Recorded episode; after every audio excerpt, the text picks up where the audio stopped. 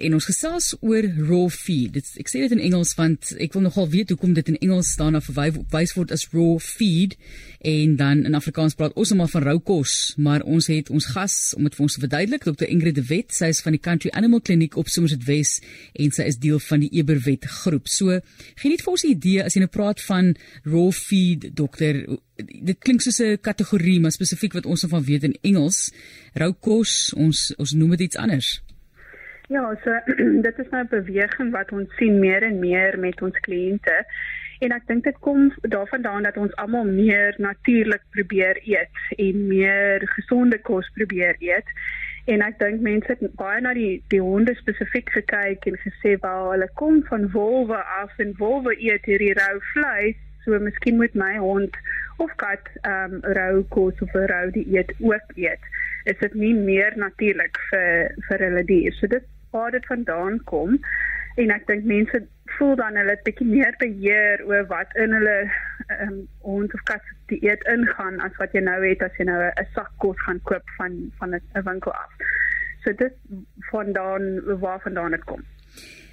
Daar is 'n hele beweging soos jy sê vir mense ook. Ek dink Demi Moore of iets is dit, eet net rou kos. My praat nou onder korreksie. Is 'n artikel wat ek jare terug gelaas raak gelees het, maar daar is sekere waarde daarin vir ons as mense. Die vraag is natuurlik, is dit nou ook goed vir diere? So, wat is 'n hond? Ek meen ons die hond is nie meer 'n wolf nie. Jy weet, hy het nie groot ja. geraak in die natuur nie of ons het mooi na hom gekyk en vir hom nou en dan hopelik iets gesonds gegee van die tafel af wat hy mag eet, maar wat is hulle natuurlike dieet? Ja, so natuurlik het hulle van wolwe afgekom en hulle eet hoofsaaklik of net rou diere. Ehm um, maar nie net die vleis nie. So hulle eet ook die darmkanaal en al die ehm um, gras en daai tipe goeders wat die ehm um, die dier sou geëet het wat hulle hulle prooi sou geëet het. So dit het nou baie verander omdat ons nou ander rasse ingeteel het. As jy nou kyk na sien maar 'n bulldog of 'n Yorkshire terrier, hulle lyk like heeltemal anders as 'n wolf en omdat hulle langs aan ons um amper verander het oor die dekades of honderde jare, uh, het hulle die eet en hulle behoeftes ook verander. So ons weet byvoorbeeld honde het baie meer koolhidrate nodig as wat 'n wolf sal nodig hê en dis omdat hulle verteringsstelsel nou verander het met tyd. Um en hulle kan nou nie jy kan nie nou verwag dat 'n Yorkshire Terrier daar uitgaan en gaan jag en 'n dier gaan eet nie. So ons moet kyk na elke spesifieke ras en kyk na hulle behoeftes. En omdat ons hulle so geteel het, het hulle nou spesifieke voedingsbehoeftes. Ehm um, so dit maak dit eintlik baie moeilik om te weet wat is hulle natuurlike dieet want hulle is nou nie meer natuurlike wolwe nie. So ons moet spesifiek kyk na elkeen se ras, hulle ouderdom, ehm um, waar hulle is in hulle groei en dan die dieet aanpas om hulle 'n goeie gesondheid te gee. Kom ons gesels oor die waarde regtig van 'n rou dieet en spesifiek dan vir ons diere. Ja, so ehm um, soms kan dit beter kwaliteit wees as wat jy by by winkels kan koop.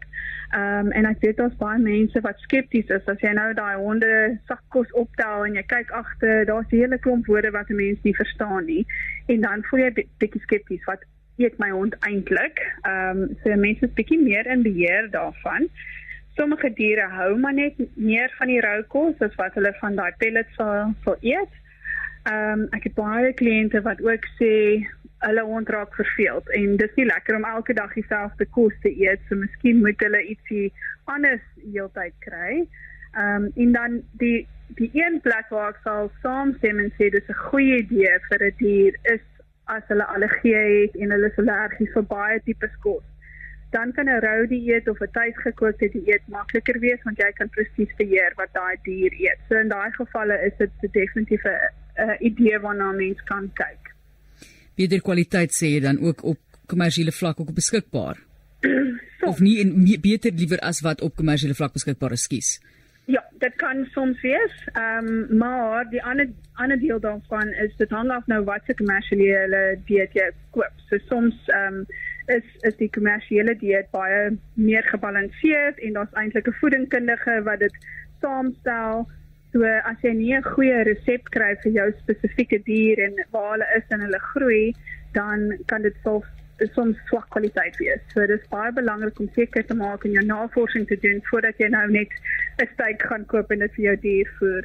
Dit is baie meer ingewikkeld as dit. Jy moet seker maak dit is goeie kwaliteit vleis, dat jy die regte resep het vir jou spesifieke dier en dat jy dit wel balanseer wat soms bietjie moeilik kan wees by die huis. Kom ons gesels dan nou oor wat is tipiese roukos vir ons troeteldiere? Ja, so dit hang af. Sommige mense doen hulle eie ding en hulle koop maar net wat hulle dink. Ehm um, soms kan jy eintlik dit kommersieel gaan koop en dan vir freeze dried. So dis eintlik die beste opsie. So daar's baie keer 'n voedingkundige daar agter en hulle maak seker dit is gebalanseerd en dis reg voorberei en dis veilig. Um en ander mense sal 'n voedingkundige gaan raadpleeg en 'n spesifieke resep vir hulle dier kry. Dis ook 'n goeie opsie.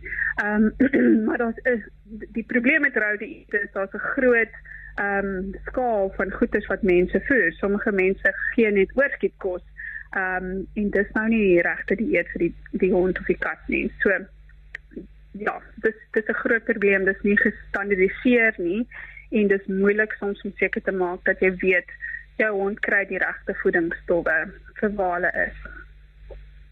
Weereens vra baie welkom. Ek weet, jy weet, mense kyk nou byvoorbeeld na dinge soos knoffel. Ek weet dis nou dalk 'n slegte hmm. voorbeeld, maar ek herinner elke keer wanneer ons oor diere gesels, knoffel en eie byvoorbeeld is baie sleg vir jou troeteldiere.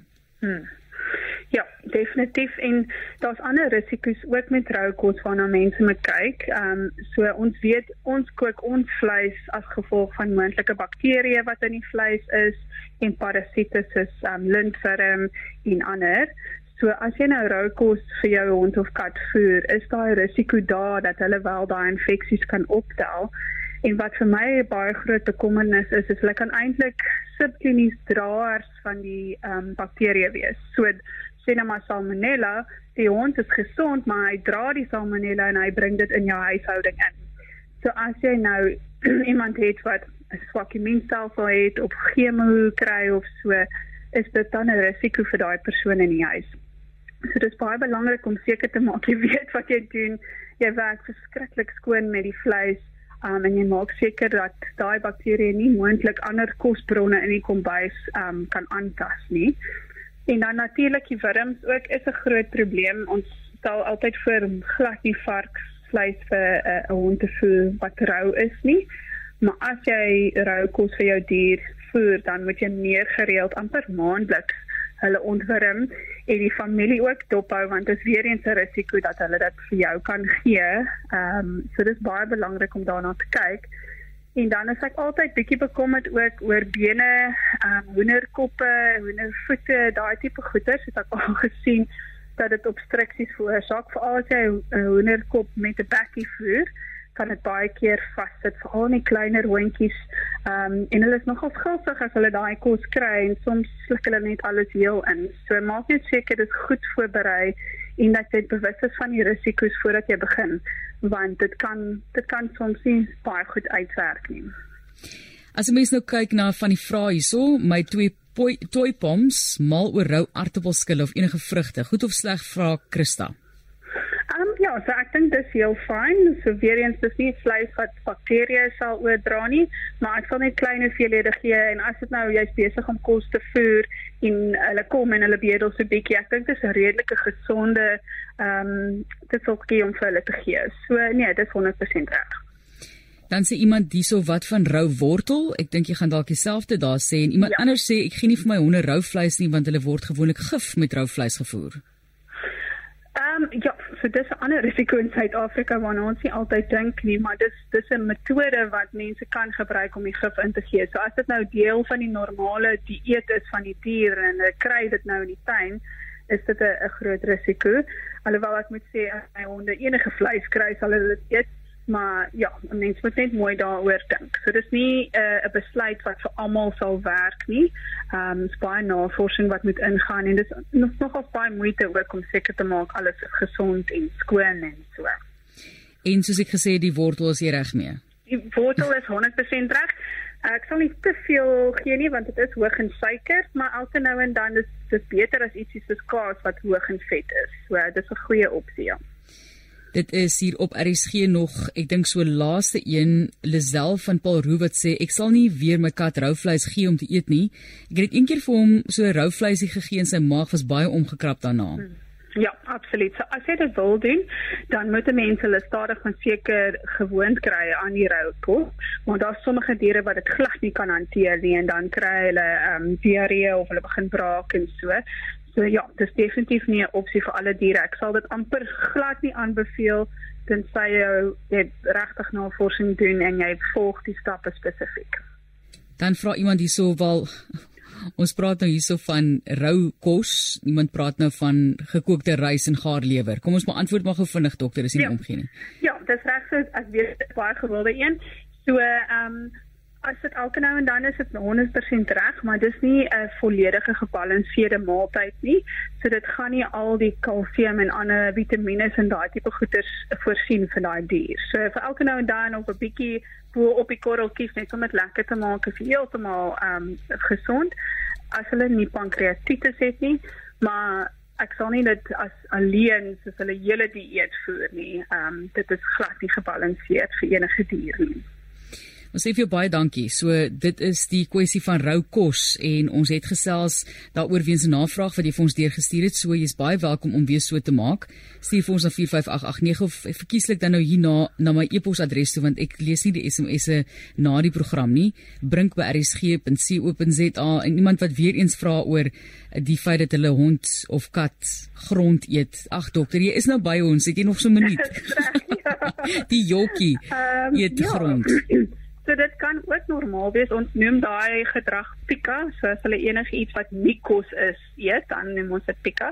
So dit kan maar gewoonte wees. Dit kan maar wees dat hulle verveeld is en dis net vir 'n lekker, maar dit kan ook 'n aanduiding wees van 'n tekort. Ehm um, so dis altyd goed as enige dier snaakse gedrag wys om hulle eers vir jou te neem. Kom ons kyk na alles, maak seker alles is reg en ehm um, as die dier gesond is dan is dit maar net deel van hulle normale gedrag. Maar ek sal dit nie definitief nie ignoreer nie maar maak net seker alles is reg met daai diertjie. Ek gaan nou hier wille stelling maak of vergelyking tref liewer. Ek dink altyd aan 'n swanger vrou wat ja. sekere behoeftes het in die liggaam en dan snaakse dinge wil eet. Want ek ek het al gehoor mm. van vrouens wat grond wil eet. Ja baie keer is dit maar eister tekort ook. So ons moet kyk daarna. Ja, dis amper jou lyf weet dit soek ietsie. So ja. Ja.